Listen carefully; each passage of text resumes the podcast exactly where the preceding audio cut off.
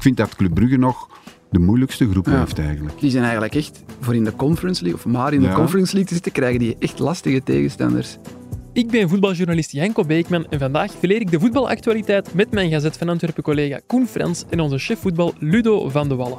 Welkom bij de voetbalpodcast van het Nieuwsblad. Welkom bij Shotcast. Kuipers met de kans en mooi afgemaakt zeg. Daar is hij, daar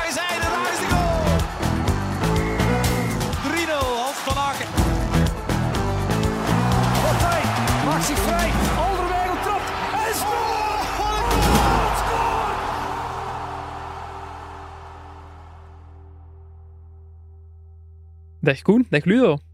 Dag Janko. Dag Janko. Genoten van de eerste Super Sunday van dit seizoen allebei? Nou, toch wel.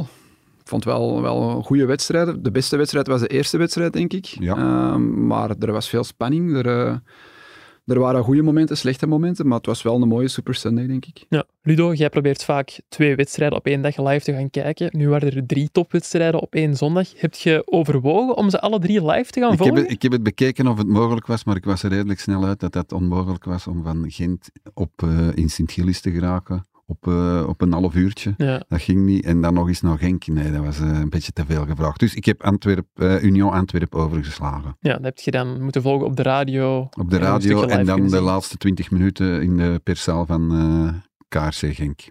Zullen we beginnen met de beste wedstrijd van de drie topwedstrijden? Dat was volgens mij toch Agent Club Brugge.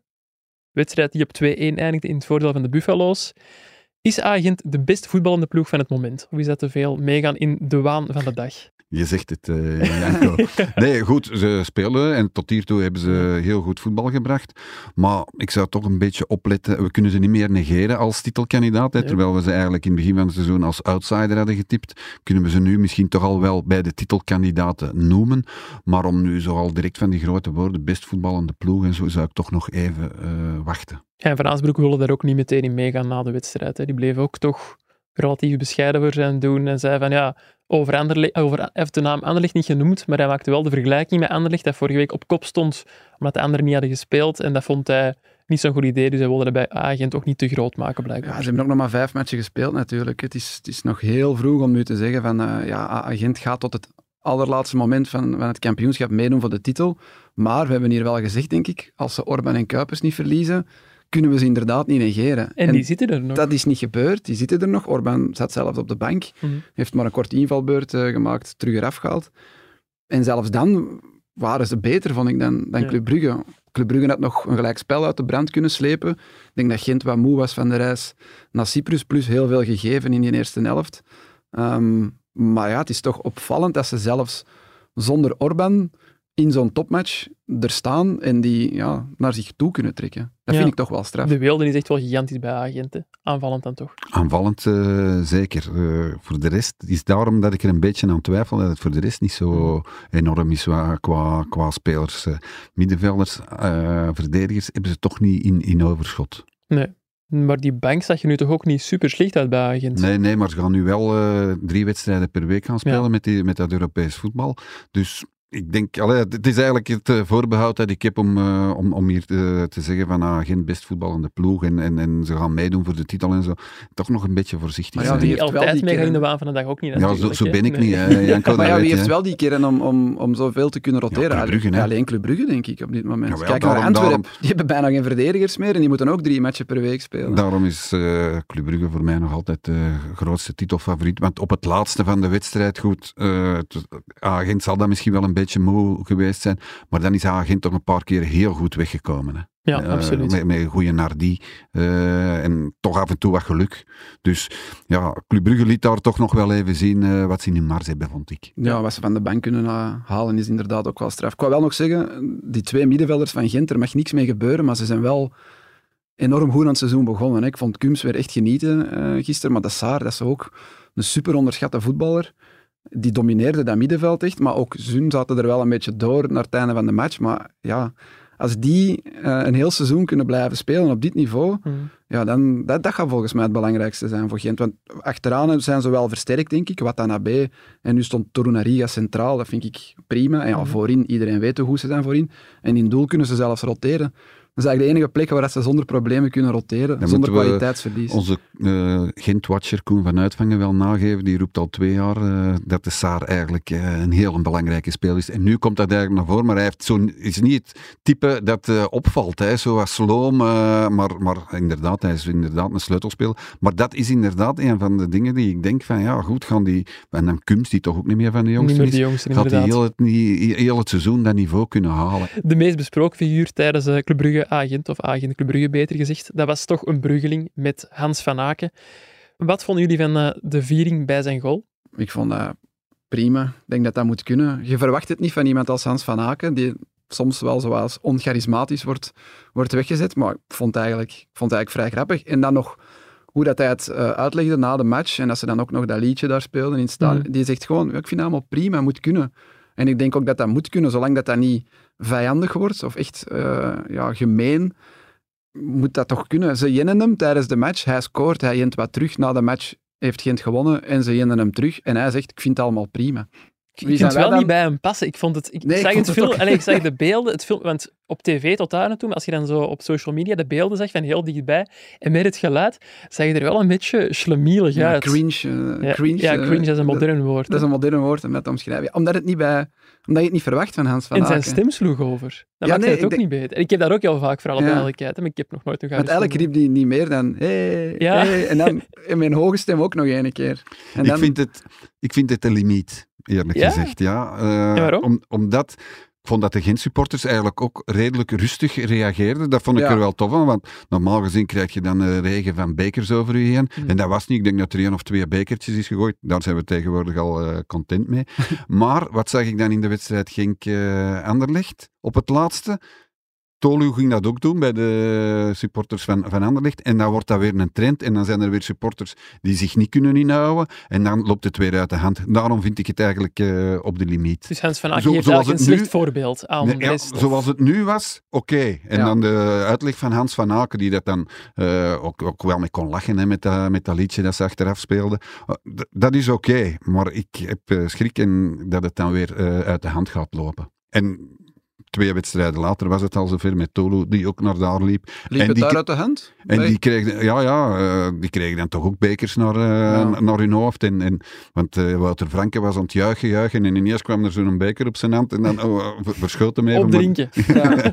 en dus ik, eh, ik, ja, ik zou toch een niet te volgen voorbeeld Nee, eh, durven noemen. Je ziet het ook niet vaak, hè, dat ze zo ostentatief voor een ja, uitvak of een, een vak Nee, van de en- en- tegenstander gaan En, juichen. en maar- vooral dat die supporters zich dan gedragen en, en, en waarschijnlijk ook wel uh, scheldwoorden zullen geroepen hebben en zo. Ja. Dat, dat- wel, maar dat er dan niet eh ander geweld aan te pas komt. Maar ik vrees dat dat eh, de volgende stap gaat zijn.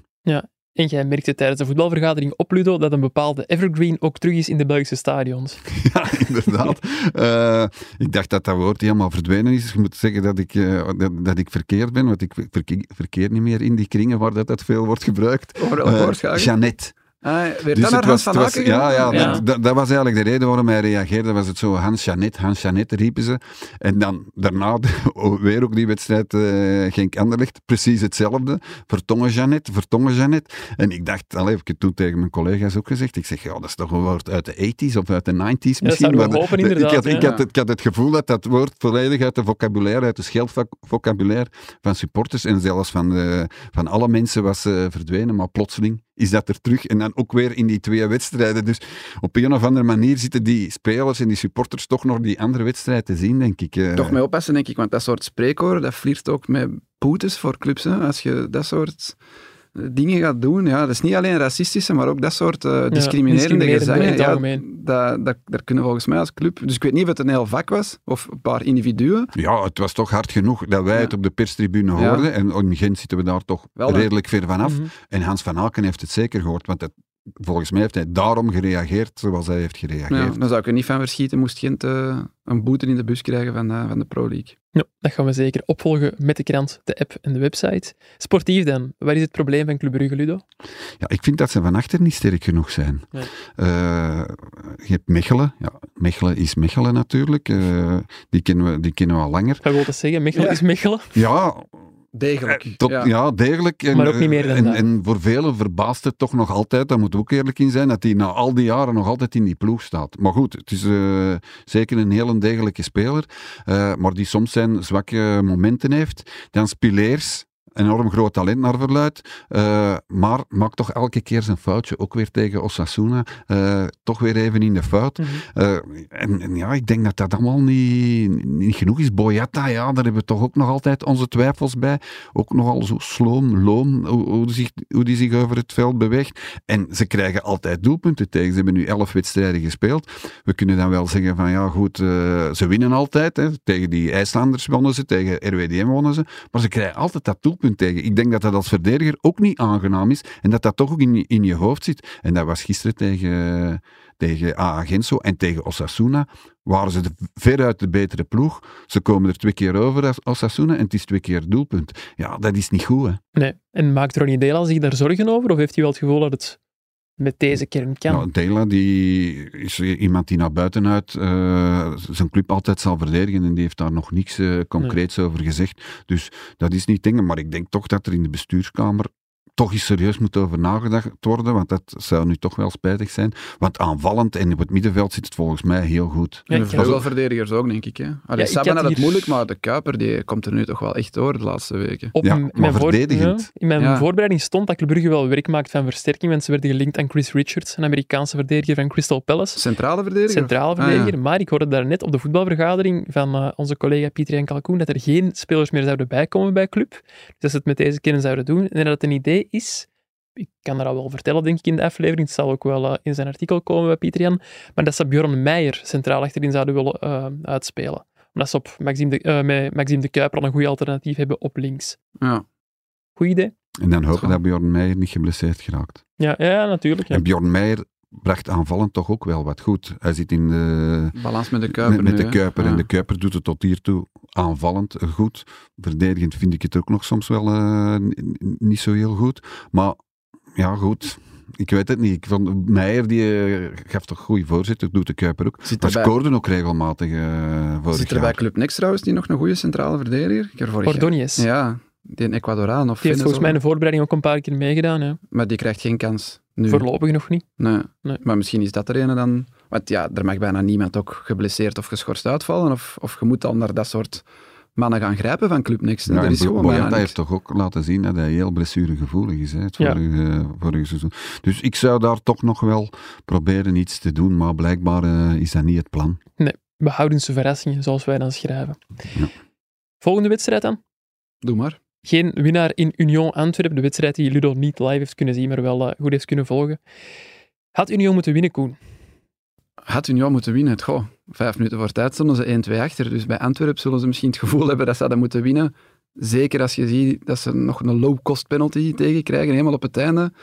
Denk ik dat de frustratie bij Antwerpen misschien iets groter zal zijn dan bij Union. Hoewel Ja. ik achteraf het gevoel had dat beide trainers eigenlijk best tevreden waren met hoe de ploeg had gespeeld en met het feit dat het op een gelijk spel was uitgedraaid. Maar als je naar ja, de, de expected goals, het aantal kansen, het veldoverwicht en zo kijkt, en je moet dan een winnaar aanduiden, ja, dan had het wel Union moeten zijn. Je hebt Ik- het over low-cost penalties trouwens.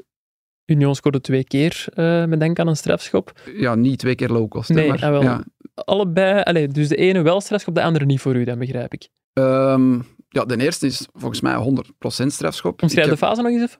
Eh, ja, Buté lost een bal. Ehm, Vlater. ja, f- ja, ik denk miscommunicatie Mhm. met eh Koulibaly. Theo pakt een bal mee en, en Koulibaly ligt al op de grond, wil een tackle doen, mist hem eigenlijk en ja, maakt zich dan groter met zijn armen en ja, vloert Theo, die eigenlijk alleen op doel heeft Ja. en kan scoren. Dus ik heb het dan ook nog eens gedubbelcheckt bij Guillaume uh, Mabe, hè, onze, Onze chef scheidsrechters. Ja. Ja, eigenlijk is dat volgens het reglement geen twijfel en is dat zelfs een penalty en rood. Omdat dat een Een toch zo is, zoals dat noemen bij a de goal scoring opportunity. Ja. Ja. En je zou nog kunnen zeggen, Koulibaly ging voor de bal, maar ik denk dat de grootste overtreding is die met een arm, ja, met een arm naar de bal gaan, dat is, dat is sowieso al. Dus ik denk, ik denk dat daar Antwerpen eigenlijk al goed wegkomt, want, want Koulibaly krijgt zelfs geen geel. En vijf minuten later krijgt hij wel geel in een andere fase. Dus daar had hij al een vroege rode kaart kunnen hebben met twee keer geel. Ik denk dat altijd penalty is, minstens geel, waarschijnlijk rood. de tweede penalty, ja, ik heb daar geen enkel goeie... Dat is altijd op Union. Dat was mij. Union. Anderlecht ook met de vermeende eh, handspel van Vertongen. Ja, klopt. Nu ook. Ik heb geen enkel beeld gezien waarop ik zou zeggen, ja, 100% penalty. Ik vond denk- wel, er is een bepaalde... Ja, met de tweede been. Ja, tweede been van Keita, Keita raakt van Houten. Ik denk dat die echt wel gaat liggen.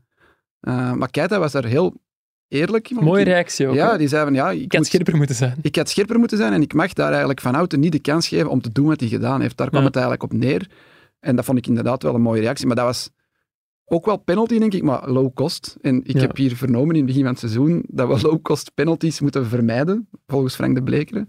En dan denk ik dat je dit misschien had moeten, moeten laten passeren. Ja, het probleem is Ehm. volgens mij, ja, de, sche- de penalty wordt gegeven door de ref op het veld. Ja, kun je niet overroelen, hè? nee, ja, de VAR kan daar niet voor ingrijpen. Maar zo had Union er ook een tegen Ja, ik kan dat wel. Ja. dan moet het 100% eh, Ja. fout zijn. Ja, Ja, dat het is geen, eh, wat is dat, clear and obvious error. Dat was het dan ook niet van de scheidsrechter. En dat was tegen Leuven, waar ze twee of drie penalties kregen, denk ik. Mhm. Want Union heeft al heel veel penalties Ja, die gekregen. hebben tien doelpunten gemaakt, waarvan zes uit strafschop. Ja, en waar dat er wel een paar low-cost penalties bij zaten. Ik denk van Joren Dom, ook op Terrio, denk ik. Eh, dat, dat was ook een hele lichte... Maar ja, een lichte penalty is, is ook een penalty, tenzij er effectief een richtlijn is, zoals Frank de Blekeren Ja. heeft laten verstaan. Ja, we moeten low-cost penalties vermijden. Maar dan moeten we misschien eens ja, gaan definiëren wat een low-cost penalty is. Goed idee, Ben Koen. Laat het weten aan Frank, zou ik zeggen. Trouwens, eh, die Koulibaly had ook in de tweede helft nog een gele kaart kunnen krijgen. Hè. Ging er ook vrij stevig door ter hoogte van de middenlijn. Ja, Als wat mij betreft ook een gele kaart waard. ik moet Dus- wel zeggen, die Koulibaly, ik vond die top twee keer tegen Mhm. Athene. Maar nu was hij echt wel... Ja, die had zijn dag niet of zo, ik weet het niet. Wat kan gebeuren Onder de indruk van de omstandigheden in het Dudepark. Ja, nadat je Champions League hebt gespeeld. Ja, maar die dat- had echt In geen- Athene was in het Athene rustig. ging het er eigenlijk rustig Ja, aan toe. en de Bosal was ook kalm toen, hè, die heenmatch. Maar nee, ja, ik weet het niet. Die was precies onder de indruk en, en, en niks leek te lukken bij die jongen. Maar Zou ik dat vind te dat wel maken een kunnen goede hebben met het feit dat Alderweireld niet naast hem stond? Ik denk dat dat misschien wel... En in de tweede helft ook geen De Laat. Dus, dus eigenlijk was hij bijna de meest ervaren pion daar van achter. Yusuf stond rechtsachter. eh Zeno van den Bos moest naast hem komen staan. Misschien dat dat ja, hem verzwakte. Misschien heeft hij een sterke verdediger of een leider naast zich nodig. Ik weet Hoewel het in. Athene, die laatste 20 minuten, bleef hij ook wel overeind. Met Zeno van den Bos naast Hmm. zich, dat is waar. Misschien heeft hij net meer publiek nodig. Was het Dudepark niet vol genoeg voor hem? Ja, het zat nogthans goed vol, het Dudepark, ja. Ehm, over die verdedigers van Antwerpen, ik vind dat eigenlijk wel straf dat ze nu opnieuw met selectieproblemen zitten. Als, als, al- als Al Hassan Yusuf op de rechtsachter moet gaan spelen, dan, dan wringt er toch ergens iets. Ehm, zeker aangezien het er vorig jaar hebben eigenlijk hetzelfde al meegemaakt met hun aanvallers, dat is daar eigenlijk tekort. Hoe komt dat? Mark Overmars heeft toch genoeg ervaring om te kunnen inschatten dat dit te weinig is op dit moment. Ja, ik denk dat zij toch nog een beetje worstelen met die financial fair play, hè, want ze hebben daar ook al een boete voor gekregen. Misschien zit het eh, daarin, ze spreken zich daar niet over uit, maar ik denk toch dat dat een van de redenen is dat ze het een beetje kalmer aandoen. En nu, ja, hebben zij vandaag eigenlijk nog, hè, maandag, eh, Ja. om, eh, om die spelers op de Europese lijst te zetten. Misschien komt er vandaag nog een aan, eh, verdediger bij, want de Mark van Bommel heeft dat toch eigenlijk, eigenlijk redelijk expliciet gevraagd. Maar ja, ik denk dat, het toch, dat ze toch wel een beetje op hun geld letten nu. eh. Ik denk dat het misschien nog net voldoende gaat zijn om punten te sprokkelen in, in de Belgische competitie. Want uiteindelijk een 2-2 gelijk spel met deze defensie op Union is niet verkeerd. Maar in de Champions League ja, is dit wel te weinig. Als Alderweireld er niet bij is en dan ook de laat ook niet. eh, Je mist er misschien nog een paar. ja, maar misschien, wel- misschien gaan ze ook wel van de redenering uit. Ja, dan pakken we er nog één bij. Gaan we dan wel punten pakken tegen Barcelona of tegen Porto? Zal misschien ook niet het geval zijn. Hè? Is dat de ja. investeringen waard? Dat is inderdaad wel een goede vraag. Maar ik denk dat Toekoer er wel één verdediger bij mag. En dat mag dan toch ook wel iets kosten. Misschien mag het niet iets kosten voor de financial fair play, maar want transfervrij gaat dat nu ook niks niet meer vinden, denk ik, dat echt direct een toegevoegde waarde zal zijn. Bij Anderlecht denken ze daar anders over, maar daarover later meer. Ja, ja. Dat is ook geen verdediger dat hij nog nee, nee, nee, maar wel transfervrij. Ja, ja, maar ik heb eens gekeken, er zijn niet zo gek veel ja, goede profielen transfervrij verdedigend dan. Hè? Nee. Dus ik denk Je niet dat mee aan het zoeken geweest voor Sven Jaak? Of, Ja, ik, ik was aan het kijken op transfermarkt wie er allemaal nog geen club heeft. Hè. Dat, dat zijn nog de, ja, de dealtjes die je kunt doen. Hè. Maar centrale verdedigers zit daar eigenlijk echt niks tussen. Nee. Ja, Sergio Ramos, maar die gaan naar Sevilla. Ja, dat is een beetje, dat, dat ze nog kunnen proberen. misschien iets te duur ook ja, wel. dat denk Ja. ik wel. Het zou typisch shotcast zijn dat er nu een nieuwe verdediger wordt aangekondigd drie minuten nadat wij online zijn gekomen. Ja. Maar dan kunnen de mensen dat lezen in de app, op de website of in de krant. Er loopt in België nog wel een paar rond die daar, daar niet zouden misstaan, denk ik. Hè. Nee, voilà. Doe eens een suggestie, Koen. Ja, met de Smits. hè. Matte Smit. Dat is nog wat vroeg, hè, voor die jongen al in de Champions League te duwen. Maar op lange termijn denk ik dat dat er een is die je kunt kopen en volgens mij met winst doorverkopen. Je ik denk makelaar dat- van Matte Smit geworden, Koen? Nee, nee, toch niet. Hij was trouwens dit weekend niet goed, dus Matte, als je luistert, herpak je jongen. Herpak uw man. In eh, Genk leek Anderlecht lange tijd met de drie punten aan de haal te gaan, tot de 1-1 van Tolo, over wie we het daarnet al hebben gehad, in de allerlaatste minuut. Ook hier weer een paar eh, ja, beslissingen van de ref waarover discussie was. Bonsouba, terecht rode kaart? Ja, de rode kaart, op dat moment, als hij al een gele kaart heeft en hij krijgt die tweede gele kaart, is dat terecht. Dat was een, een overtreding die een gele kaart nodig was. Eh, maar de discussie gaat natuurlijk, was het nodig om al zo vroeg in de wedstrijd, nadat ik akkefietje tussen eh, Vertongen en Bonsouba, om daar een gele kaart voor te geven. Ja, ik, ik, ik weet dat niet. Ik, ik, ik durf daar eh, Van Driessen niet, niet veroordelen om op dat moment, ja goed, dan geef je een gele kaart. Moest dat zo? Misschien niet. Maar het kan wel, het kon, denk het ik, kon ja. evengoed, evengoed wel, ook om een pa- bepaalde lijnen uit te zetten voor de rest van de wedstrijd. Dus op dat, op dat vlak denk ik niet dat je veel kritiek kunt hebben op, eh, op, op Van Driessen. Hij weet natuurlijk ook niet hoe dat het dan gaat aflopen. Het is ook vooral Bonsouba, ja, jonge speler, die op dat moment ook wel weet dat hij een gele kaart heeft en dat hij dan op het strafschopgebied van de tegenstander, hè, want het was eigenlijk Ja, nog ja. eh, heel ver van hun, van hun eigen doel, zo'n overtreding gaat maken, dat is gewoon niet verstandig. Die jongen zal daar ook wel bij geleerd hebben. Nu wil ik niet zeggen dat eh, Van Driessen een uitstekende wedstrijd heeft gefloten, want hij heeft toch een paar dingen laten voorbijgaan, waar dat je dan ook van zegt, ja, kom, Zoals? als je ja, die, op een bepaald moment de fout van, eh, van Heinen, Ja. eh, Ja, dat is in, geel, eh, het slot van de wedstrijd. En dat viel me wel op bij Racing Genk. Die waren enorm gefrustreerd. Die, ja, ook allee, ja, de reactie die waar dat we het misschien ook nog zullen over hebben van, van, van de Condé, maar ook tijdens de wedstrijd waren ze enorm geagiteerd op alles wat er gebeurde. En ja, dat zal waarschijnlijk te maken hebben met die lange wedstrijd in Turkije en dan met tien, dat zij zich eh, on, on, on- onrechtvaardig behandeld voelden. Maar dit was toch ongenks, vond ik, eh, hoe fel dat ze reageerden. Was er ook nog te merken na de wedstrijd op de persconferentie? Was Wouter Franken ook extra tevreden met het punt? Ja, hij was heel tevreden. Hij zwa- zwaaide met lof naar zijn spelers. Eh, ja, het kon niet goed, genoeg, eh, eh, niet, niet, niet goed genoeg zijn. En terecht, want die jongens ja, die hebben wel donderdag 150 minuten Ja. gespeeld. Die hadden nu nog eens die moeilijke wedstrijd met 10 tegen 11. En ze halen nog een punt uit een brand. Een dik verdiend punt. Want zelfs, ik durf zelf zeggen, als er een ploeg had moeten winnen, was het KRC Genk. Dus op dat vlak was hij, was, was hij enorm tevreden. En, en terecht, denk ik. Ja, oké. Je had het er net over een reactie. De eerste gele kaart van Bonsouba kwam er na een opstootje met Jan Vertongen. Wat vonden jullie van zijn gedrag?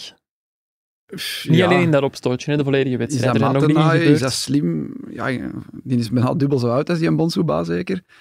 Ja, is Ja, dubbel zo oud. Hij heeft dat goed gedaan. Allee, Vertongen komt daar nu niet als winnaar uit, want ze slikken nog een tegengoal, maar het komt bijna als winnaar uit, uit dat duel. Maar heeft Vertongen dat nodig? Dat, dat weet ik niet. Ehm, ik vond dan ook na de match dat de Condé er ineens op dat veld stond om dan verhaal te gaan halen bij Vertongen. Ja, dat moet de Condé dan ook niet doen, denk ik.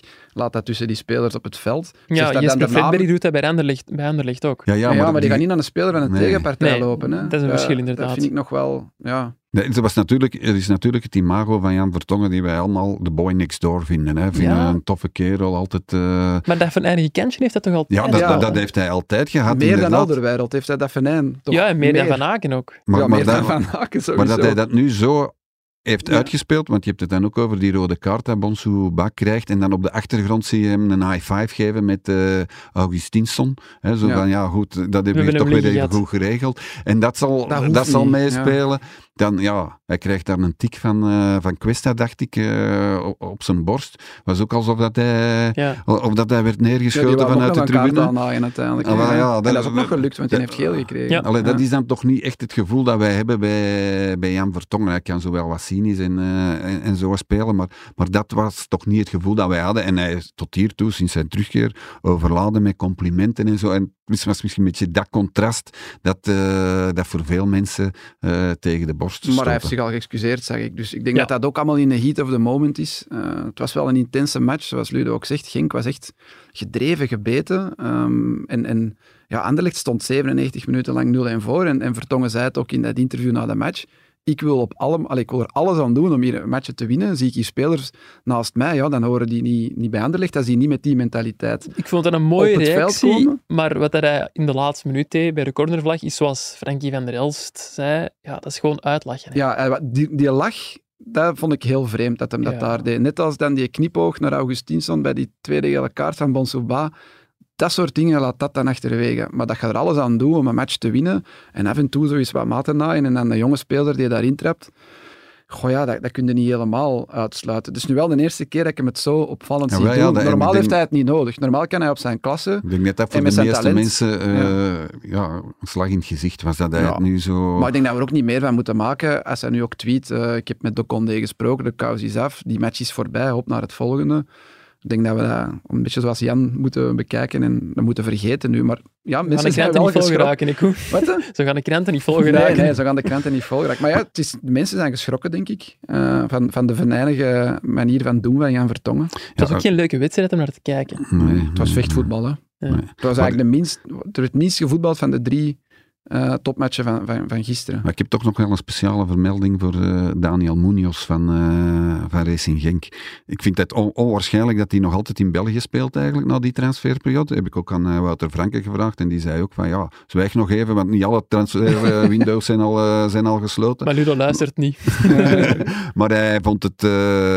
ja, hij, hij- gaf het eigenlijk ook toe van ja, eigenlijk ongelooflijk dat hij hier nog speelt. Want er zijn weinig spelers. We, hebben, we halen ze hier soms eh, over, de- over de hekel ook van ja, die kan niet verdedigen of die is niet aanvallend niet goed genoeg. Hij heeft het alle twee. Munoz kan alles. En, en eh, hij kan heel goed verdedigen. Hij is aanvallend heel sterk. Het is een, het is een beest. De, eh, eh, Wouter Franke noemde hem een krijger. Zoals hij hè, daar donderdag eh, 150 minuten heeft gecrossed. Nu, nog eens, de laatste, allerlaatste minuut nog die voorzet eh, Ja. trapt. Dat was eigenlijk, ja, ik, ik vind het on- onwaarschijnlijk. Ik vind het een hele goede speler. Alhoewel dat hij er ook soms over gaat. Hè, maar Ja. dat is dan typisch... eh, eh, Zuid-Amerikaans, denk ik. eh, waar dat toch altijd wel wat meer mag in, in Zuid-Amerika. Maar ik vind het een heel straffe speler. Maar je zag dat, Absoluut. dat hij met zijn allerlaatste kracht die voorzet trapte. Er was echt zo'n vreef voorzet. Dat was echt een gekke voorzet. En Ja, ja, dat is een hele rare voorzet, maar Ja. wel een hele goeie. Ja, een hele goeie, hè. Buté, Dupé er ook wel in de fout, allee, in Nee, de die fout komt echt gaan. hard. Dat vond is- ik- Dat is heel Veel moeilijk. gezegd, Ja, maar dat is heel vooral... moeilijk. Ja, maar hij is, nergens nu. Ja, maar misschien moet Anderlecht een nieuwe doelman gaan halen. Daar gaan we het zelfs nog over hebben. Ah, was dat niet eh, een bruggetje? nee, Ah, dat sorry. geen bruggetje. Ja. Uh, Anderlecht staat met 13 op 15 wel mee aan de leiding, samen met Agent, waarover we het al hebben gehad. Maar een referentiematch was dit toch ook opnieuw niet, hè? Anderlecht heeft 13 op 18. Hè? 18, sorry, Ja, foutje. die Ja, hebben al verloren ook. Hè? Een 5 en een 8, Nee, dat heel dicht bij elkaar nee, op het ehm, nee, de referentiematch, eh, ja, dit, dit had ze kunnen worden, maar ja, je speelt bijna een hele match met een man meer. En het is zoals Ludo zegt, eigenlijk waren ze gewoon de, de minste van de twee. Als er iemand had verdiend te winnen, was dat waarschijnlijk nog Genk. En zonder die flits van Amuzu, weet ik niet of Anderlecht een goal had gemaakt. Het is Heel straffe goal wel, hè? een heel mooie goal, sowieso, maar er zat niet echt veel voetbal in. Is zo traag en, En zo. Tolberg was onzichtbaar, hè, want die hebben hier ook al regelmatig bewierookt, maar Mhm. die heb ik eigenlijk niet gezien. Nee, maar maakt toch 20 golen, hoop ik. Ja, dan gaat dat toch wel krap. Ja, Had ja, moeten beginnen scoren. Ik hoor trouwens in de wandelgangen dat Ludo steeds meer twijfels heeft over de coach van Anderlecht. Ja, ik vind het... eh, ik heb hem nu al een paar keren meegemaakt. Het is een ongelooflijke sympathie, sympathieke mens. Dat wil ik nog even eh, herhalen. Die komt die perszaal binnen. eh, tegen al die journalisten dat er zit. Hi guys, raakt ze allemaal eens even aan om de schouder en zo. Dus hij is... als, als mens denk ik dat er echt niks op aan te merken is. Maar... Ik mis toch een beetje zo diepgang in zijn, eh, in zijn persconferenties. Goed, er zullen weinig trainers zijn die hun, hun, hun plannen en zo op, op tafel leggen, maar bij hem is het toch wel heel, heel weinig. En vanaf het moment dat je een kritische vraag stelt, hè, hij had dan wel Christophe Franken even aangeraakt en eh, gezegd, hi guy, Christophe Franken, onze collega van La Dernière en die stelde dan een vraag, ja goed, jullie scoren nu wel een doelpunt, maar is het niet wat weinig geweest? Hè? Ge- Gewoon een vraag wat iedereen had voorgesteld. En dan begon hij weer mee uitvluchten, maar ja, ja, Flips is hier nog maar twee weken, die is hier nog maar twee weken. Ik wil hem nog wel eens even herinneren aan het begin. Toen wij ook die vraag stelden van ja, jullie moeten heel veel veranderen. Wij zullen klaar zijn, zei hij toen. En nu, elke week zegt hij, we zijn niet klaar. Ligt het niet aan de spelers die nieuw zijn, dan is het veld te klein, dan is het veld te groot, dan is het kunstgras, dan is dit. Er is, er is altijd, hij heeft altijd wel een, uh, een, een excuus en niet echt uh, excuses die ter zake doen, vind ik. Dus ik begin een beetje te twijfelen aan zijn diepgang en hoe, hoe hij ten opzichte van die spelers is. Want ik heb ook nog niet veel spelers horen zeggen, behalve dan Jan Vertongen, uh, van ja, dit is echt een hele goede trainer waar we heel veel van, van, leren. Dat was bijvoorbeeld, dat gebeurt bij andere trainers wel. En, en dat heb ik ook niet gemerkt. Dus ik begin mijn vragen te hebben bij, uh, bij, bij Riemer. Ze hebben één groot voordeel hè, van al die ploegen daar van boven. Ze kunnen altijd een hele week de match van het weekend voorbereiden, want ze spelen als enige daar. En zult je wel klaar zijn. Geen ja. Europees. Dus ja, hij heeft altijd meer dagen om zijn team klaar te stomen dan, dan, die, dan die andere vijf die in Europa elke ja, dinsdag, woensdag of donderdag gaan moeten spelen. Ja, dus. Hij ziet ook die wedstrijd, hè, hoe, hoe dat die gaat en hoe traag dat die in opbouw is en alles. Maar dan gebeurt er ook niks. Maar hij was wel voor de eerste keer, had ik de indruk, niet tevreden met hoe zijn ploeg had gespeeld. In het interview Koen, achteraf... Ik zeg je, als ze hadden gewonnen, als het 0-1 was geweest, dan was het geen vuiltje geweest. Aan de, ja, dan was, was geen vuiltje aan de lucht. Daar ben, ik, daar ben ik zeker van. Nu kon hij dat natuurlijk niet zeggen met die INE, nee. maar het is altijd amazing. Nu heeft hij gezegd, yes, ah, it was great. It was not, nee, it was not amazing. maar hij heeft het woordje wel gebruikt. Ja. Ja, goed idee. Um, nog wat transfernieuws ook bij Anderlecht. Amuzu, waar we het net al hadden, die uh, lijkt dan toch te blijven bij Anderlecht, ondanks interesse van Nottingham en Olympiakos. We hadden hier gezegd dat dat een goede supersub kan zijn. Hè? Ja, dat is al gebleken. Die scoort nu twee keer. Koen wil ook een lijstje met voorspellingen, Lu, dat is duidelijk. ik weet zelfs niet dat ik dat gezegd ah, ik weet het ook niet zeker. Maar ja, hij komt twee keer van de bank en hij scoort nu twee keer. En het was bijna twee keer de winning goal. Ja, dan... Dus ik zou die gewoon... Uh... Dries Mertens gewijs op de bank voilà. blijven zitten dan maar. Toptalent Ethan Butera, die vertrekt dan weer naar Ajax. Jammer voor Anderlecht, want hij stond echt wel te boek als een heel groot talent, Butera. Nog steeds trouwens, maar hij zal niet meer voor Anderlecht spelen. Maar de meest opvallende transfer die er zit aan te komen, het zou nog voor vandaag zijn. Anderlecht zou Casper Schmeichel binnenhalen. Ex-keeper van Leicester en Nice, die nu transfervrij is. Ja, we hebben het al gezegd, een doelman is toch niet per se wat ze op dit moment nodig hebben? Nee, ja, zijn ze dan ontevreden van die eerste matchen van Dupé? Ik kan mij dat bijna niet voorstellen, want die heeft in mijn ogen nog niks verkeerd gedaan. Heeft ook nog niet echt punten gepakt, daar niet van. En Schmeichel, ja, geen idee. Ik heb, ik heb het wel even opgezocht nu net. Ja, stond vorig jaar gewoon altijd in doel. Heeft bijna alles gespeeld in de Ligue 1. Heeft nog het WK gespeeld. Heeft nog de Nations League gespeeld. Is gewoon de eerste doelman van Denemarken nog. Dus veel meer ervaring, ja, maar ook ouder. Uh, hoe lang gaat hij nog mee? 36 is hem, denk 36 ik. al, ja. ja. Ik zeg, want ik heb transfermarkt afgeschuimd. Hè. Er is nog een transfervrije doelman en die heeft nog geen club. Gea. Die had dat ook nog kunnen pakken. Hè. maar ja, je, je, hebt toch eigenlijk geen doelman nodig. Dat zijn toch ook...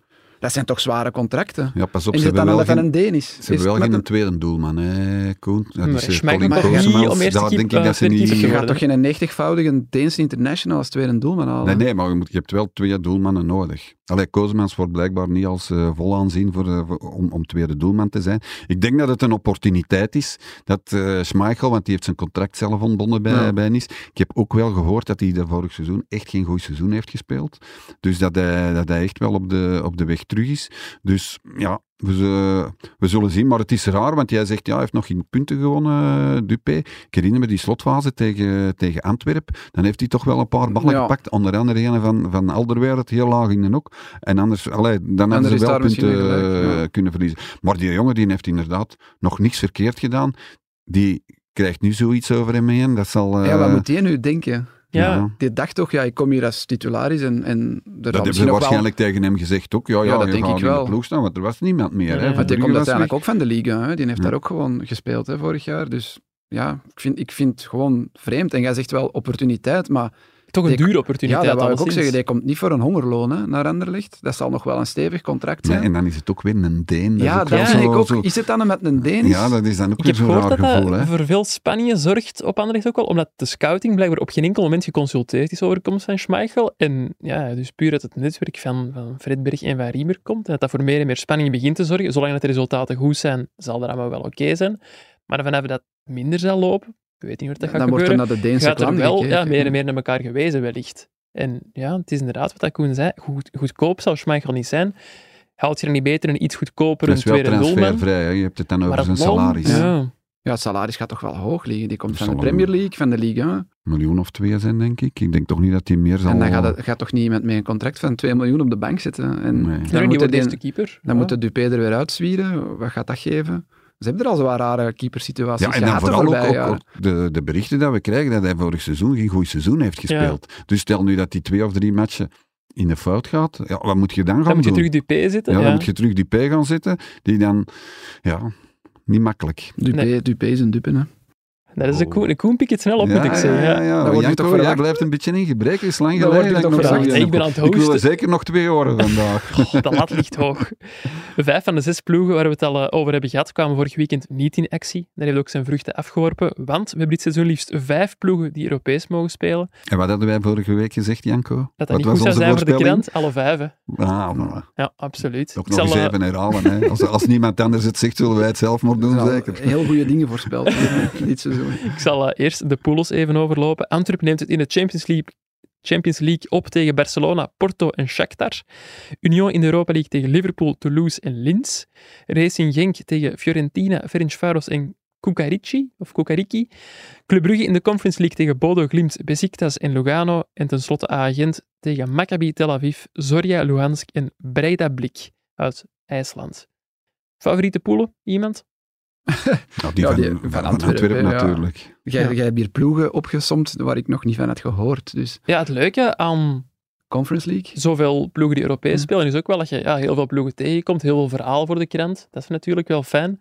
Alleen nu de dienstlijst maken, Ludo, minder fijn, denk ik dan. Ja, Janko, dus je zult veel redactiediensten hebben, denk ik. Ah ja, Net ik als die- onze Anderlecht-watcher uh, Jurgen Geril, Ah, ja. die al tien jaar eh, nauwelijks redactiediensten heeft gehad, omdat de Anderlecht in alle hoeken van Europa ging spelen, zal hij zich nu wel moeten aanpassen. Wat houdt daar net in, eh, redactie?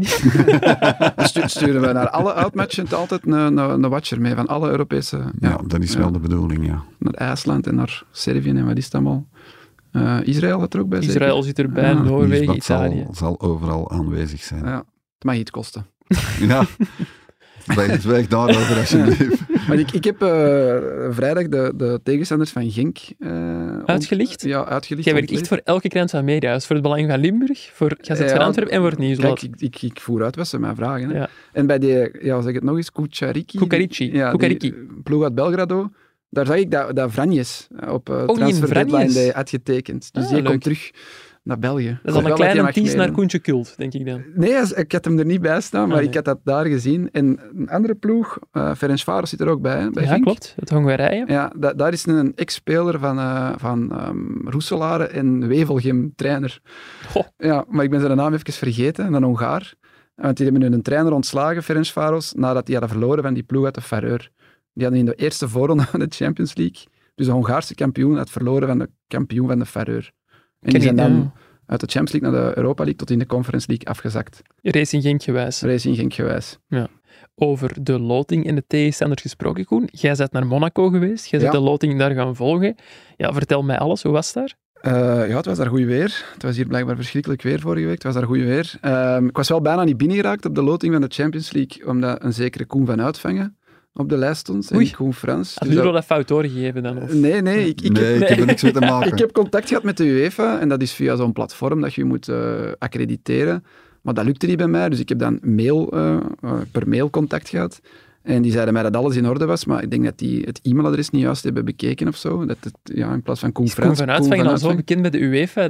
Ja. Ze hadden onze twee profielen samengevoegd. Dus eigenlijk was ik Koen Frans van Uitvangen. Dat, dat stond op profiel. En mijn pro- ik kreeg zo een badge, een accreditatie met een foto. En dat was ook de foto van Koen van Uitvangen. Dus die zagen, ja, dat is niet En dezelfde. onder wat had je dan geaccrediteerd? Onder Mediahuis of onder Gazet van Antwerpen? Of onder- Mediahuis, denk ik, ja. Er Stond, dus het nieuwsblad stond ook op mijn accreditatie. Maar, toch ik- binnen geraakt. Ja, ik ben dus binnengeraakt als Koen Frans van Uitvangen. Ah, Ja. En dan ja, de, de loting van de Champions League eh, in de zaal meegemaakt. Eh, Sven Jaak in de teammanager. eh Sascha van Sascha van de Zande gesproken. Wel grappig, want de laatste keer dat ik Sascha van de Zande tegen was gekomen in het buitenland, was tien jaar geleden op een strand in Thailand, op onze teenslitsen. Ook toevallig toen? Allee, Eh, deze ja, keer nee, toen wel het. toevallig. Wij kenden elkaar toen niet, maar onze eh, vriendinnen kenden elkaar. En ja, we hebben zo'n week samen rondgetrokken in Thailand toen. En dan, ja, toen was hij denk ik nog niet werkzaam bij Antwerpen, maar wel een zware fan, want hij had zijn sjaal bij. In Eh, Thailand? In Thailand. Ik weet ook niet waarom. Ehm, Maar nu, ja, die is ondertussen teammanager. En die, ja, dat was grappig om elkaar dan daar te zien tussen de beaumonde van eh, in Monaco op de loting van de Champions League. Ja, en Sasha en Sven Jaak wellicht ook wel heel fier om daar te mogen zijn Ja, in ja, Monaco. Sven Jaak heeft een paar keer herhaald. eh, Ja, ik kan het niet geloven. Het is onwezenlijk. Barcelona naar de Bosuil. Ja, Ik snap dat wel. Hè. Ja, dat is, ja, dat is absurd. Ja. Dat is, dat is Was het voor u ook knijpen, zo in Monaco? Zijn er lekkere hapjes op de, de receptie daar? Of? Eh, het wa- mediacenter, niet op de receptie Ah, mogen nee. zijn. Ja, ik moet zeggen, de UEFA is vrij streng voor de niet-rechtenhouders. En Mediahuis is geen rechtenhouder van de Champions League. En ja, dan... dan ja, ah, ik, het is niet dat je slecht behandeld wordt, hè, zeker niet. Je hebt geen Maar, brood en Ja, want ik was aan. Sven Jaak aan, aan het interviewen. Gewoon, ja, we stonden naast elkaar en met, de, met een telefoon aan het opnemen. En dan kwam er iemand, nee, jij moet dat daar doen, achter de... Ja, met de, die reclameborden. En Ah, daar, ja. ja. echt zo... Eerst de tv, dan de radio en dan de kranten.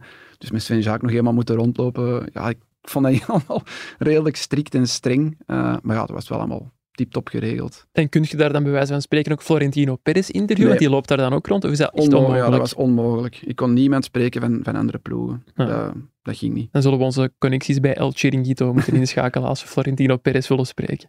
Inderdaad. En dan nog zal het moeilijk worden. Nog even sportief dan over die Europese eh, bekers. Als we nog eens aan een voorspelling doen.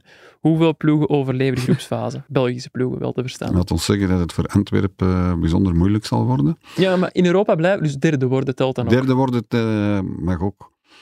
Dan denk ik dat het voor alle ploegen eigenlijk wel mogelijk is. Ik vind dat Club Brugge nog de moeilijkste groep Ja. heeft eigenlijk. Die zijn eigenlijk echt voor in de Conference League, of maar in de Ja. Conference League te zitten, krijgen die echt lastige tegenstanders. Want Osasuna, Osasuna was ook niet makkelijk. dat, dat kan even goed. Osasuna Club Brugge kan een kwart of een halve finale van de Conference League Ja, zijn. inderdaad. En dat was een, voorronde, een voorronde match. Ja. Dus. En nu Besiktas er ook weer bij. Ja. Maar de andere twee ploegen zijn haalbaar. Hè?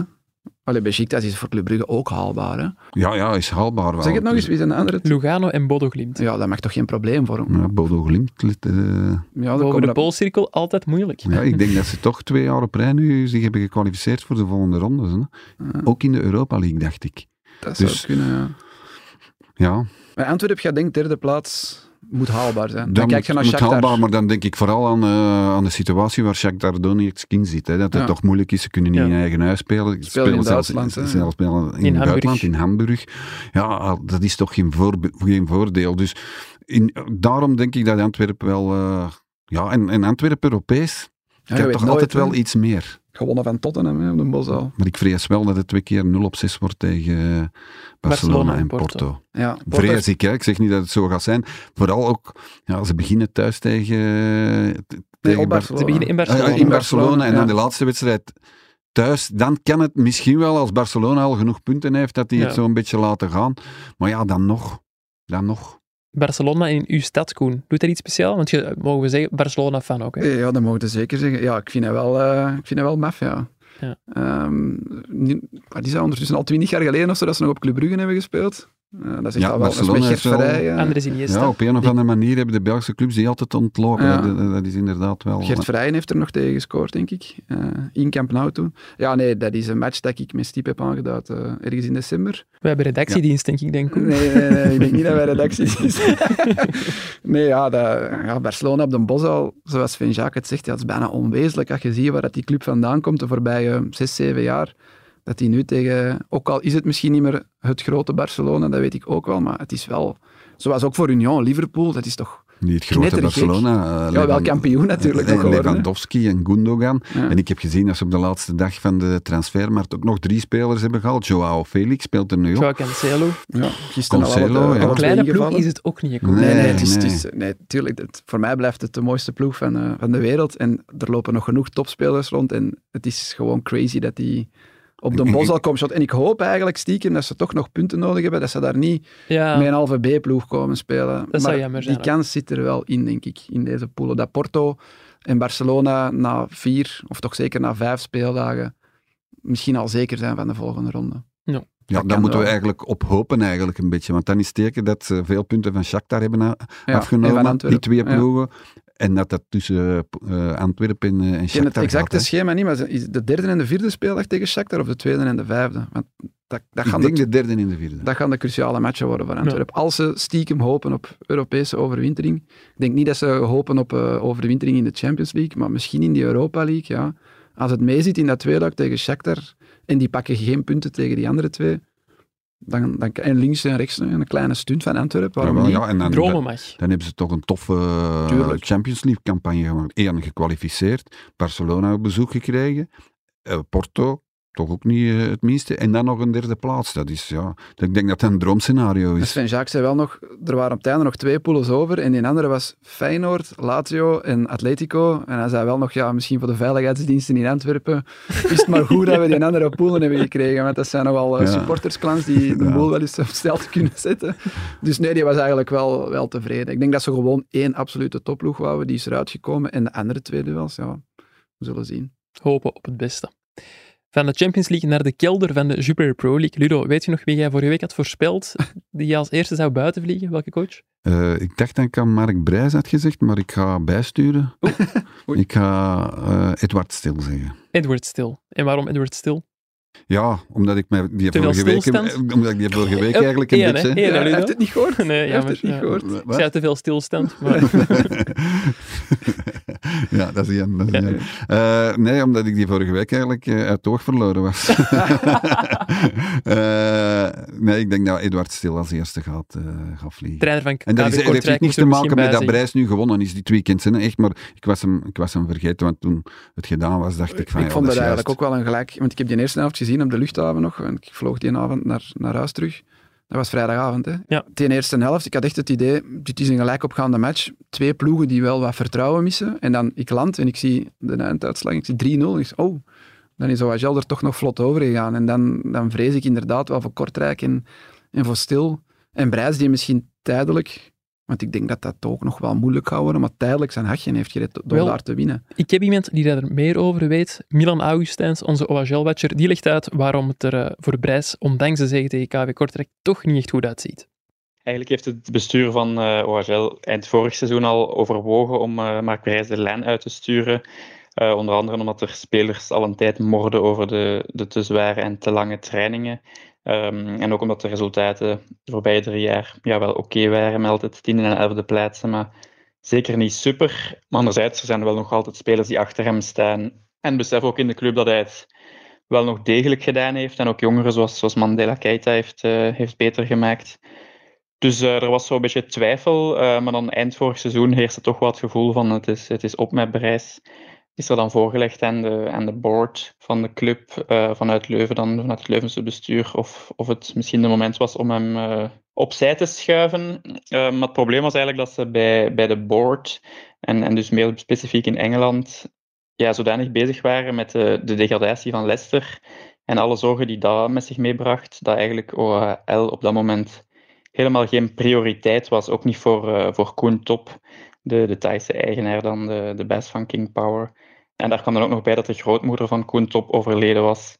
Waardoor hij ook eh, een tijdje met zijn hoofd eh, ergens anders zat. Allemaal eh, redenen waardoor OH Leuven geen, geen topprioriteit was. En natuurlijk, Mark Brijs heeft ook wel een stevig contract sinds zijn opwaardering naar de, naar de flirt met Racing Genk. Dus hij is toch aan het seizoen mogen beginnen.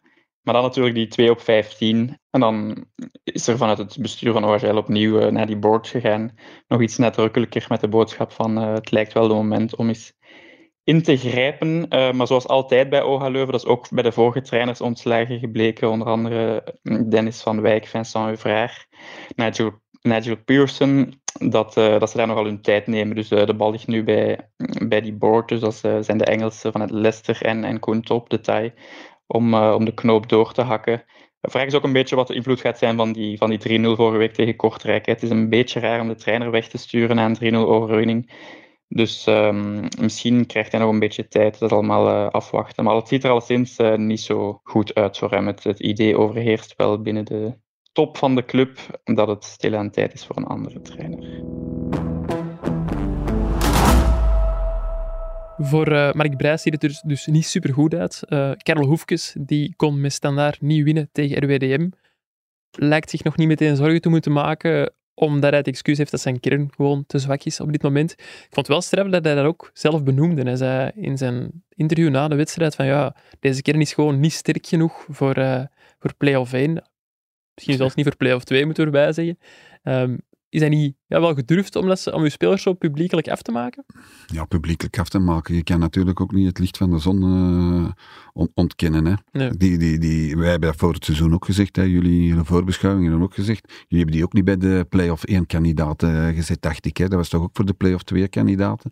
Dus, ja, hebben ze wel niet bij de degradatiekandidaten nee, gezet. nee, nee, en dat is het gevaar voor Karel Hoefkes. Als hij daar blijft staan natuurlijk, dan...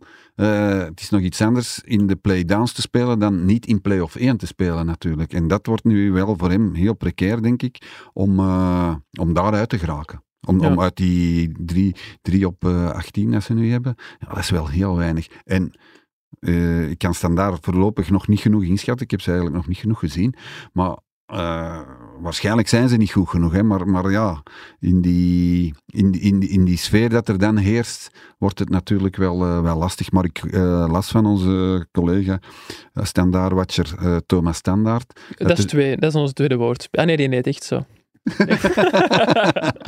dat, uh, dat, de, dat de supporters hebben geapplaudisseerd voor, uh, voor Standaard na de 1-1 tegen RWDM. Maar niet cynisch. Niet cynisch. Want tegen Cerkel Zo was cynisch, toch niet hè? begrepen, want, want ja. uh, Thomas schreef erbij van uh, goed, hoe, hoe, de zaken kunnen veranderen of zoiets. Ja. Dus maar er zijn, er zijn weer een paar artikels ook uh, verschenen, denk ik, bij de Josimar, zo een of ander Scandinavische, over die 7, 777 ja, dat die eigenlijk flirten op alle vlakken met faillissementen en zo. Dus ik denk dat die supporters nu zoiets hebben van, oké, okay, andere mindsets, we moeten achter de ja, ploeg gaan staan. Ja, ik denk dat ook. Ik en denk we gaan dat er ook. proberen front vormen tegen 777 dan... Ja, eerder tegen de investeerders, of eerder zoiets hebben van, oké, okay, de spelers en de trainers die hier nu staan, ja, dat is het ook, maar we gaan hier, we gaan die niet beter maken door die uit te fluiten. Nee.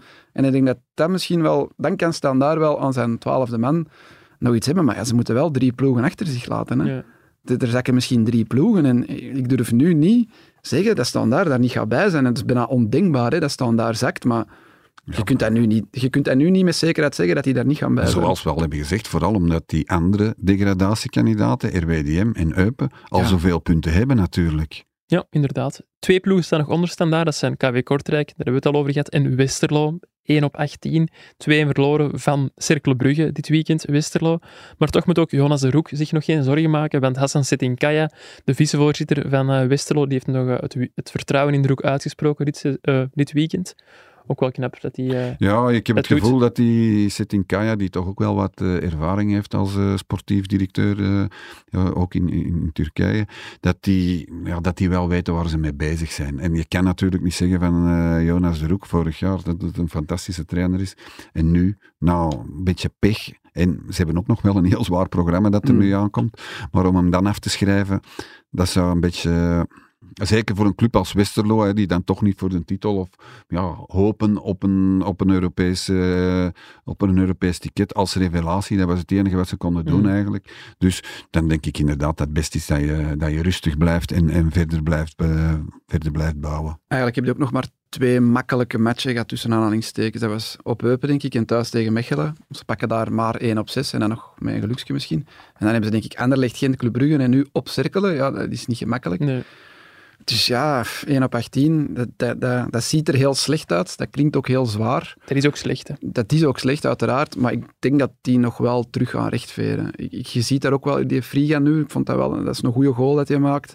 Ja, die jongen zal wel iets kunnen, anders betalen daar geen 6 miljoen euro voor. Ik hoop Shad, Shadley daar nog bij, ik denk dat die dat nog wel kunnen rechttrekken. Maar, um, ja, die, uh, allee, die gaan niet in de playdowns komen. Zo. Nee, oké. Die komen Dan er nog uit. op de bingo-kaart. Ja, ja. Net boven standaard vinden we dan nog Charleroi terug. Felice Mazzu lijkt nog niet te moeten vrezen. Als ik de speech van uh, Medi Bayat gisteren na de wedstrijd tegen Sint-Truiden zag, een wedstrijd die op 1-1 eindigde. Hebben jullie de speech gezien? Ja, ik heb hem niet gehoord, maar wel gezien. Een raar moment ook, dat hij dan... Eigenlijk komt hij in het moment van Mazou kapen, hè? want ik denk dat Mazou en misschien de Failly, de assistent, Ja. die willen niet zeggen, denk ik. En die Bayat komt dan naar beneden. Ik zei dan net van de Condé, eigenlijk moeten die, die mannen niet naar beneden komen. Uh, Fredberg doet dat ook vaak, maar wat komen die doen op het veld na de match? Speeches geven. Ja, maar pff, wie, heeft, allee, wie heeft daar iets aan, vraag ik me af. Zouden die spelers daar echt zoiets van, ah ja, oké, we zijn goed bezig, volgende keer beter? Of denk zou dat die vooral zoiets hebben van, aan overwinning en om Ja. te zeggen, je krijgt extra premie of een extra verlofdagje. Dat is iets anders, maar ook dat is volgens mij aan de trainer, Ja, niet aan in- de In, voorzitter. het algemeen, eh, Koen, altijd dat, dat gepraat op dat veld en zo. Waarom is dat nu nodig? Dat is toch ook maar voor de bühne, denk ik. Ja. Dan eens, kijk eens, we zijn er wel mee bezig. We zijn een groep. Ja, we zijn een groep, ook voor de wedstrijd. Hè. Tegenwoordig schering en inslag dat ze er in een eh, kringetje staan en eh, van alles zitten te roepen. Soms, als wij dat dan horen, hè, dan is er een microfoon en dan denk je, ja, is het dan maar? Eh, ga, ga je, denk je dat je daardoor gaat winnen?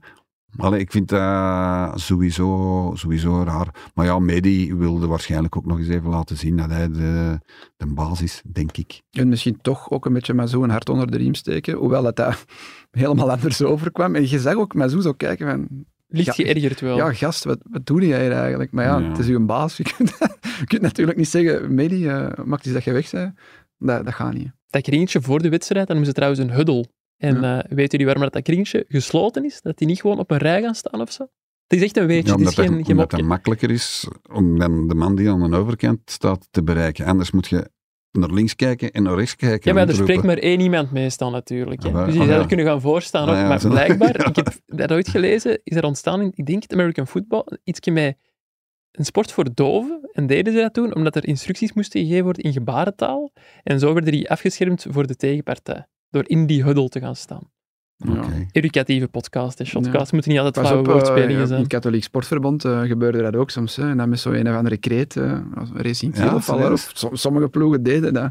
Wij vonden dat meestal gewoon aandoenlijk. Als een Maar doet niet iedereen dat voor de wedstrijd? Zo even gaan niet. staan en In wij riepen dan... Ja, en dan Sporting Burgt.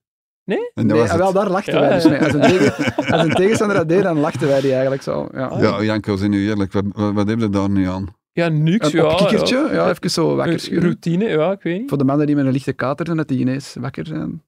Ik zal het nooit meer doen. Nee, je voetbalt niet meer. Voor we overgaan naar onze favoriete rubriek, nog even meegeven wie er de- deze spel heeft gewonnen in de Fantasy Pro League mini-competitie van Shotcast. Dat zijn Shane Koveliers en Stijn de Moni geworden. En na de intrandbreak beginnen we echt te tellen. Hè. Dan eh, telt de rangschikking van onze ik denk dat ik mini-competitie toch ook echt. een... eh, Gaat je ploeg maken, Ja, ik denk het wel. Ik hebben wel. we hem zover denk gekregen. Koen. Ja, Het zou toch mooi zijn als ik hier ooit eens zit en, en, en je moet mijn naam noemen als Ga een naam voor uw ploeg? Racing Ludo? Nee, nog eens even nadenken. Oké. Als er suggesties zijn, dan zijn die welkom op shotcast.nieuwblad.be of op de social media van Shotcast. En dan gaan wij nu over naar onze favoriete rubriek. Koentje Cult. Koen, jij kiest elke week uw eh, favoriete culttransfers van de afgelopen voetbalweek. Voor de laatste keer deze Oh ja, zomer, denk ik ja, dan. we hebben de natuurlijk Mercato nog- erop. Ja, de Mercato in België loopt nog even door, Ja. maar, In België nog tot woensdag. Ja. maar ik verwacht ook niet super veel Cult, ja. cult Jasper. Schmeichel zou nog... cult kunnen zijn, ja. Nee, ja, ik zat op, eh, op deadline day op de, op de vlieghaven hè, in Mhm. Nice. Ehm, dus ja, ik vertrok en dan landde en dan waren er wel een paar bijgekomen. Waaronder Stef Peters, dat vond ik toch een van de straffere. Naar Patro IJsden. Ja, dat was toch... Ja, want die was nog last minute, werd hij aan Beveren gelinkt. Dat had ik nog wel ergens gezien. Maar Patro IJzen, vooral omdat Ludo de week voordien had gezegd dat hij een mens verdiende bij Eupen, dan denk ik, wauw. dat is Patro veel geld. Ja, dat is veel geld. Eén en twee, wauw, Patro IJzen. En een contract voor vier jaar, hè. Dus ja, Stijn Stijnen moet daar iets hebben beloofd. Ja, maar je hebt, je- Stijn Stijnen die kan echt wel mensen enthou- enthousiasmeren. En ik En- denk dat hij in dit geval er twee heeft eh, geenthousiasmeerd. Eén, Stef Peters. En twee, zijn een baas om... Ja, eh, maar dat kan toch niet dat hij daar vier jaar lang 750.000 Nee, nee, nee, dat zal hij niet verdienen. Maar dat Wel- zal hij na een transferperiode waar hij ni- niks heeft hem gevonden, ook wel ja. achtergekomen zijn dat, het, Ja. mm, dat hem dat niet meer zal Maar het zal nog wel een mooi contract zijn. En vooral voor vier Ja. jaar. Dus die gaat daar dan voetballen tot zijn 35. Eh, ik zag nu van het weekend hebben ze, hebben ze 2-2 gespeeld tegen Club Next. Maar die doen wel mee van Ja, boven. Die gaan volgens mij meedoen in die play-offs Ja. om, eh, Dat om nog mee te kunnen. gaan. Want Ja, want ja, Stijn Stijnen die levert daar wel eh, ongelooflijk werk op het veld als, als, als Ja. trainer, maar ook daarnaast is hij enorm met die club bezig. Hè. ja, ja, blijkbaar is dat echt wel van een amateurclub naar een profclub Ja, ja, ja. En hij, heeft de daar een, hij, speelt, hij sp- hij speelt daar een hele grote rol in. Ah, Oké, interessant. En dan had ik nog ja, Leonardo Bonucci, was ook op eh, deadline day. Naar Union Berlin. Ja. Ja. Die gaat Champions League spelen. Die zitten in de groep met Real Madrid. Samen met Antwerpen de enige debutant in de Champions League. Juist, die zijn een paar keer afgeroepen ook hè, in, eh, in Ja. Monaco. Die werden speciaal vermeld, eh, allebei twee keer. Eh Juan Mata, dat kun je net gezien. Ja, ik heb er iets van zien passeren. Vissel Kobe. Vissel, ah, dat is blijkbaar zo het retrette voor Spaanse voetballers, die gaan naar Vissel kopen. Die maar hij is wel de enige nu. Alle andere Spanjaarden zijn, daar, Ja, Iniesta is gestopt. zijn daar weg. Ja. En David Villa heeft daar ook nog gezeten en nog wel een paar, denk ik. Maar hij gaat daarmee eh, allemaal Japanners eh, samenspelen. Andy Carroll, heb je die gezien? Frankrijk, denk ik. Ja. Amiens? Amiens, de Ligue 2. En dan dacht ik, oké, dat is wel gek, maar Amiens heeft later op de dag ook nog Frank Boya voor 3 miljoen euro weggehaald bij Antwerpen. Dat vond ik ook, dat is niet cult, maar ik vond het gewoon gek. 3 miljoen euro Dat is veel geld voor Frank voor Boya. Frank Boya. En Mustafa, Mustafa Bundu, ken je hem? Ja, Play. Ja, Plymouth. Plymouth. Ja. Ja. Zeg jij Plymouth? Nee, ik zeg niks, ik lees het meestal. Ja, die was vorig jaar door Anderlecht uitgeleend aan FC Andorra. Dat was van Gerard Piqué. totaal vergeten. En die gaan nu naar Plymouth. Maar dat was toch een van de Maar er prestige zijn, toch, er transfers. zijn toch rare transfers, zeg, Ja. moet ik eerlijk zeggen. Maar daar heeft Anderlecht toch wel wat voor betaald, hè? nog met Verbeke, denk ik. Die ja, ja, ja, dat ja, was... dat was toen de transfer van de zomer. Ja. Dat was 3, 3,5 miljoen toen ze nog niet veel geld hadden. ja. Eh, Maar dus- die heeft toch nooit potten gebroken hier? maar, maar er gebe- gebeuren toch rare transfers. Geweest. ja. Als je ziet, ja, Villa voor 12,5 miljoen naar, naar Ajax. Ja. En dan denk ik, en dan loopt Munoz daar rond op, eh op KRC Genk. Dan pakt het toch liever Munoz. Kan ze naar rechts en bak en naar links en bak. Ja, maar ja, is wat. Misschien Zelfs een- dat. Ja, er zitten Munoz tegen zijn voeten. En dan had ik nog eh Fede Vico. Dat is toch ook... Ex-Anderlecht ja, ook. En die gaat van Leganes naar Asteras Tripoli in Griekenland. Ja, die- als je deze carrière checkt, dat is ook echt knettergek waar het hier allemaal al heeft gezeten. En dan, ja, een triestige transfer vond ik, maar ja, Getafe heeft het, heeft het gedurfd om Mason Greenwood eh, te gaan huren bij Man United. Ik was al geen fan van Getafe, want ik vind dat die echt altijd verschrikkelijk voetbal spelen. zijn de kinderen van het Spaans voetbal. Ja, en ja, die Mason Greenwood, ja, ik vind dat een, een heel lastig verhaal. Iedereen verdient wel een tweede kans en zo, maar tja, moet dat, moet dat nu al? En moet dat dan, moet Maar dat dan blijft de verkrachting blijft hem wel ontkennen, dacht ik. Hè? Eh, het geweld niet, maar de, de verkrachting wel, dacht ik. Ja, is, is hem nu vrijgesproken ook? Ik, Nee, nee, eh, ik denk dat hij is er nog een zaak is. hangende? Ja, die, de zaak is nog hangende, maar hij geeft toe dat hij soms wel over de limiet is gegaan. Maar eh, de verkrachting eh, ontkent hij. En dan heb ik nog ja, spelers die niet zijn weggeraakt, maar misschien toch nog. Ja, Januzaj. Je wilt die nog verkopen hier in de aflevering? Of Ja, nee, Torgan Hazard, die zag ik dan nog wel gelinkt worden. wordt gelinkt aan Anderlecht? Ja, maar Januzaj, die wordt ook zo wel van wat Belgische ploeg. Maar die, die, ja, dat zijn mannen die gaan bij hun ploeg niet spelen. Dus misschien dat die nog wel naar België willen komen. Hier is de transfermarkt nog open. Want ja, die liggen wel nog onder contract. Dat zijn geen vrije spelers. En dan qua vrije spelers had ik nog gezien wie dat dus nog een ploeg zou kunnen eh, versieren in België. De Gea, Lingard, El Ghazi, Papu Gomez, Jovetic, Belfodil. En dan Jean-Paul Boetius. Dat lijkt me nog wel zo'n profiel Voor de Antwerpen. voor de Antwerp. Een Nederlander, eenmalig international, vorig jaar gespeeld nog bij- in de Bundesliga. Bij Hertha Berlijn. Idrissi, nog zo'n figuur. Ik Sevilla ook. Boetius, ja. die is hier al geweest, hè, bij Genk.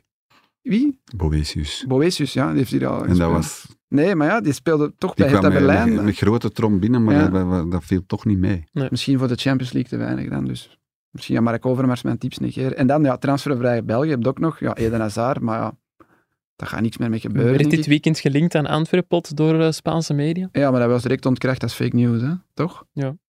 Door Spaanse media. Ik Ja. heb het gezien, ik heb een tweet gezien van een Spaanse Ja, journalist. dat toch. Ja, dat was wel die, een... die ja, re- redelijk eh, Ja, stellig. affirmatief zei, hè. Ja. Maar op. Antwerpen werd ja, alleszins ontkend. Rajan Angolan, ik weet dat jij nog had eh, over die Braziliaanse da Gama heeft daar niks meer van gehoord. Ah, dus dat wordt hem niet, of wat? Nee. Ah, ja. En Charlie Moussonde, die zijn contract is ook ontbonden. Die speelde vorig jaar nog in, in tweede klasse in Spanje. Eh, en dan nog Indy Bonen, Andy Kawaya en Yassin El Ghanassi. Ik geef het hier maar mee voor de ploegen onderin, als je nog iemand wilt gaan, eh, gaan halen. Maar ja, dat zijn mannen, free ik weet players niet, hebben veel werk. ja, ik weet niet wat, wat dat die nog in huis hebben, die mannen. Ja, Nee. free agents. Ga nog iets in huis, anders voeg ik nog één transfer toe. Nog een cultransfer? Ja, cool vind ik het niet per se, maar wel een- eentje die we moeten benoemen. Ernest Nuama, die eh, ja, naar RWDM kwam en meteen wordt uitgeleend De aan, duurste ooit daar. aan ja. Ja, de duurste transfer in de geschiedenis van het Belgisch voetbal, bijna 30 miljoen euro. En zal hier wellicht geen minuut spelen. Wat moeten we daarvan? Kunnen we daar iets tegen doen? Is dat, Ik, ik denk is dat, dat fout? Ik, ik weet ja. Het is al gebeurd met, met Biron en, en met ehm, de Preville Mhm. ehm, bij Oostende en bij, of twee keer bij Oostende denk ik zelfs, in, in Nancy dan of zo. Ja, die Franse ploegen, daar wordt strenger op toegekeken, denk ik. En ik denk dat een Franse ploeg met een zusterploeg in België altijd heel blij is dat die dan een transfer kunnen doen en dan kunt uitlenen aan de andere ploeg. Maar het is wel Het is- heel gek dit. Hè. Het is heel duidelijk dat hier iets wordt omzeild. Hè. Ja, tuurlijk. Dat is, ja. eh, ja, en daar zouden ze toch moeten tegen optreden. eh, want eh, RWDM nog germen. Ze hebben geen nagel om eh, achterste te krabben. Ja. En, eh, en, en dan doet die Textor, de, de, de voorzitter, zoiets. Is, ja, het, geeft een, het geeft een heel eh wrang gevoel. Die dat, gaan we niet, dat, dat Belgische clubs daarvoor gebruikt worden, voor, voor, voor zo'n zaken. ja, dat we echt een doorgeefluik zijn geworden. Ja, ja, dat is toch niet, niet fijn. Die gaan we niet opnemen in ons lijstje van Koentje Kult. Die hebben we gewoon vernoemd. Ja, Noem me dus- geen culttransfer. Nee, ik kende de jongen ook niet. Nee. Eh, komt van Nurtjeland of zo, denk Ja, ik ook. dat is, ja. want die werken samen met de Right to, right to Dream Academy in, in Ghana blijkbaar. En daar dat er heel veel jonge Ghanese in Noorwegen terechtkomen. En die komen dan via Brussel in Lyon. Ja, het is... Maar voor, voor, voor Noorwegen moet dat dan toch ook een absolute recordtransfer zijn. Ja, dat zal wel de duurste 30, uitgaan. 30 dus, miljoen. eh ooit. Dat Transfermarkt, dat is 25, Want denk ik. Ja, Haaland ja. zal toch niet zoveel gekost hebben toen hij daar Nee, is nee? Haaland was goedkoper. En Vetlessen stond ook al in de top 3 en die kostte 8 miljoen. Dus, Ja, eh, dus dat is, ja, dat is heel, dat is een serieus reukje aan, aan die transfer. Maar, maar Lyon, die hebben ook denk, ik, 0 op 12 in Frankrijk. Ik zag al protesten van de, van de fans. Dus Ja. die, die Textor is daar ook wel... Ja, en die Aulas, die mag ook niet meer op de tribune of zo, die mag er ook niet meer binnen. De, de voorzitter die Lyon 20, 30 jaar, eh, en die we op een bepaald moment waren die absolute heerser in Frankrijk. Voor het. PSG-tijdperk wonnen die Ja, alle titels. ja, hè. ja. Ja. Dat is wel al even geleden, ja. Ja, ik hoop dat Dus- je een Textor daar nog kan rechttrekken bij zowel RWDM als... als maar ja, die maakt... Ja, ik weet niet, die... die krijgt heel snel de fans tegen en doet toch rare dingen, eh, transfergewijs. En dan met ex-voorzitters of mensen in het bestuur wat wegduwen en zo, dat is allemaal zo niet echt... Nee, het Niet heeft niet veel met eh, het voetbal zoals wij het kennen eh, te maken. Nee. Absoluut niet. Oké, En dat is niet, dat is niet aangenaam. dat is inderdaad niet aangenaam. Ook niet aangenaam is dat wij overgaan naar onze afsluiter. Koen, Ludo, wat staat er nog op de planning voor jullie deze week? Ja, wij brengen met het nieuwsblad brengen wij een power ranking. Hocus? Wie is primeur. de machtigste voetbalmens in België? Oké, Dus, en dan hebben wij... eh, ik wist met, dat al. Ik, ik doe nu alsof ik het nog niet wist. Oh, dat is wel goed geacteerd. Ja. Ja. Ik dacht dat je het echt niet wist.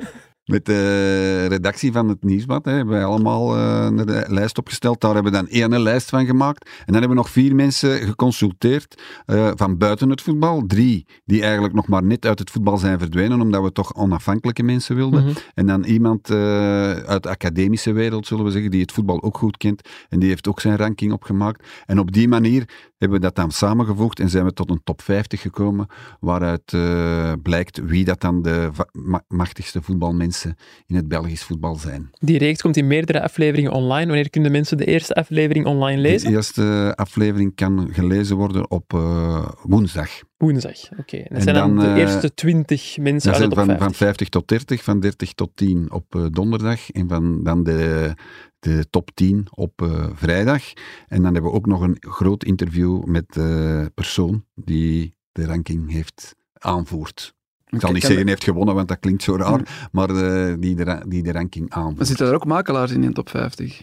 Daar zit, eh, Marco, daar zit eigenlijk van alles in. Wij hebben gewoon de lijst, en dat was wel leuk, want ik had totaal geen idee wie dat er nu als machtigste zou uitkomen. Ja. En daarom hebben we ook, eh, allee, hebben we ook eh, als, als redactie samengezeten en, en een lijst opgesteld. En dan die mensen laten dingen. En dan krijg je van alle... Er zijn er die, die, die er journalisten in zetten, er zijn er die er kinesisten in zetten. Er zijn er, ja, dat, dit, dit is echt een, een heel diverse lijst. En dat maakt het wel aangenaam. Koen, jij hebt niet gestemd eh, voor de lijst, denk ik. Heeft Koen gestemd? Nee? Koen heeft niet gestemd. Nee, ik weet van niks. Als jij nu...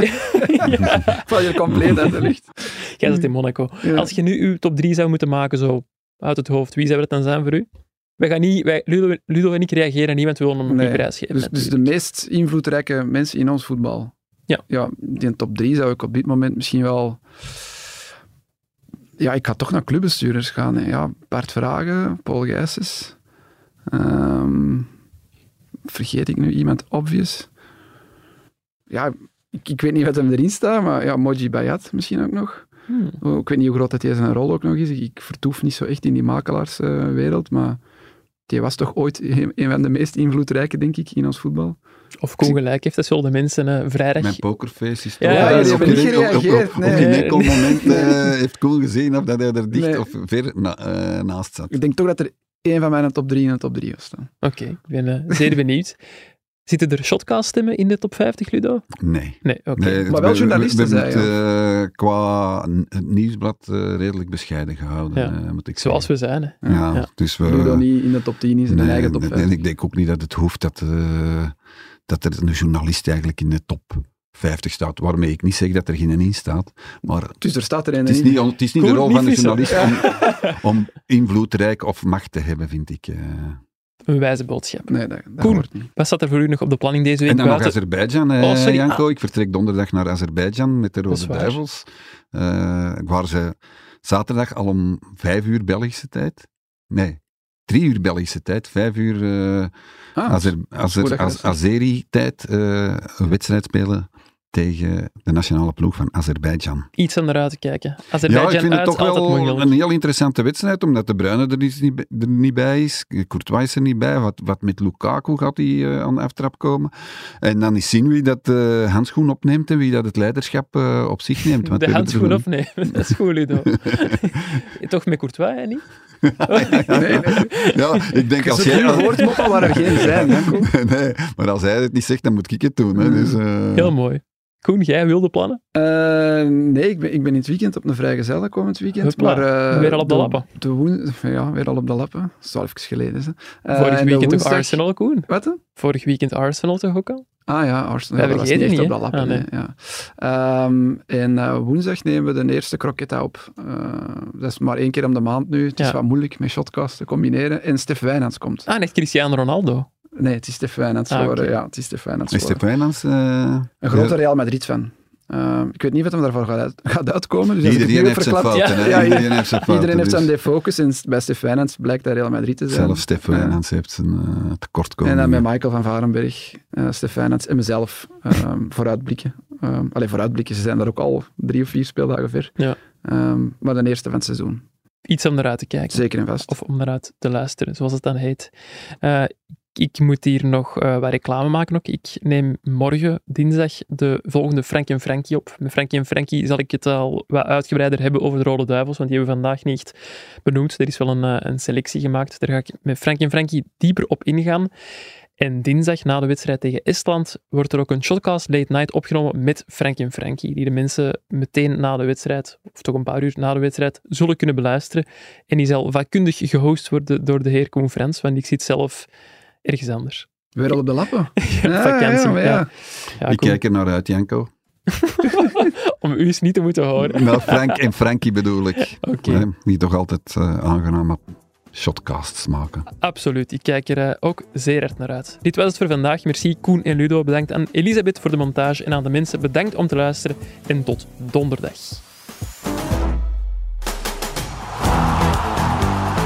Kuipers met de kans en mooi.